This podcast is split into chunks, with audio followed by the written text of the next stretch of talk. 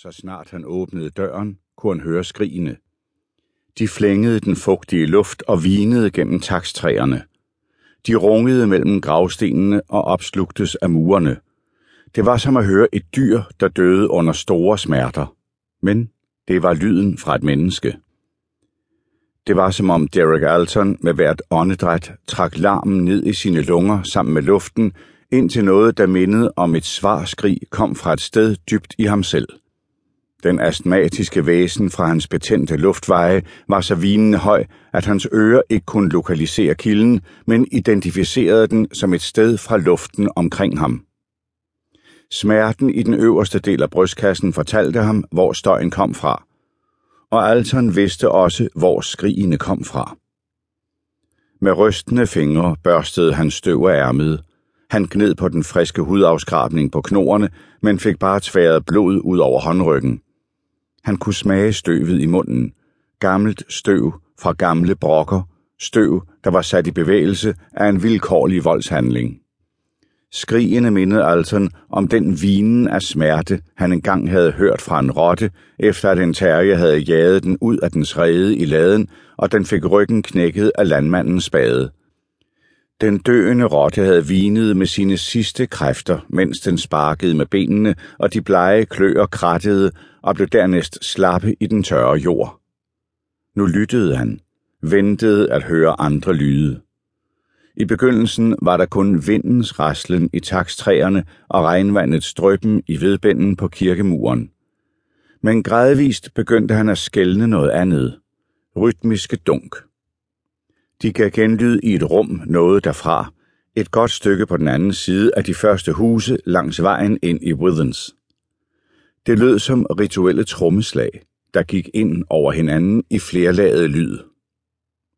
Han gøs, da han genkendte undertonerne af ondskab og vold, der truede med snarlig død. Så lød der et latterudbrud et sted i landsbyen, efterfulgt af en dørs smækken. En kvindestemme råbte et eller andet, Alton ikke kunne tyde.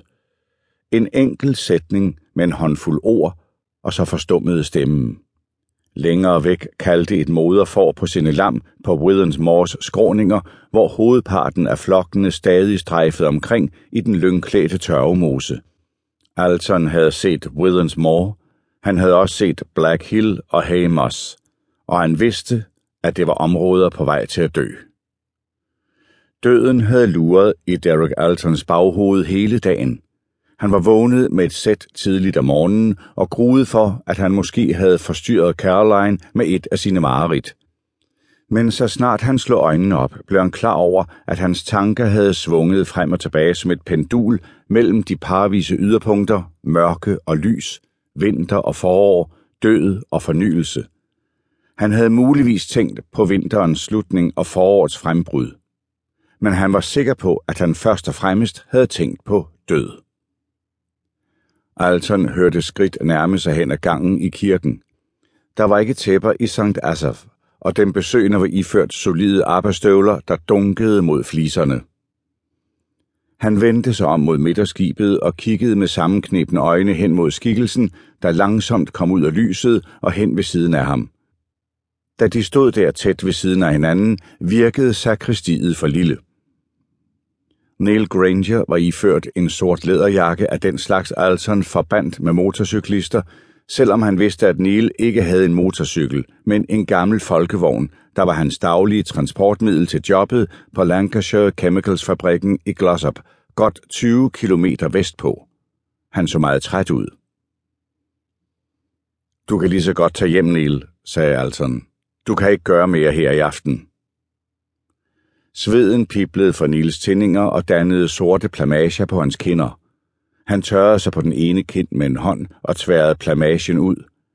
Men han så bekymret på Alton, da han hørte hans væsende vejrtrækning. Er du sikker på, at du kan klare den?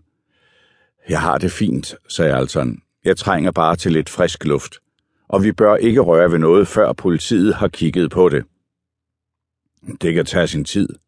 Det bliver nok ikke før næste forår. Nej, nej, men alligevel.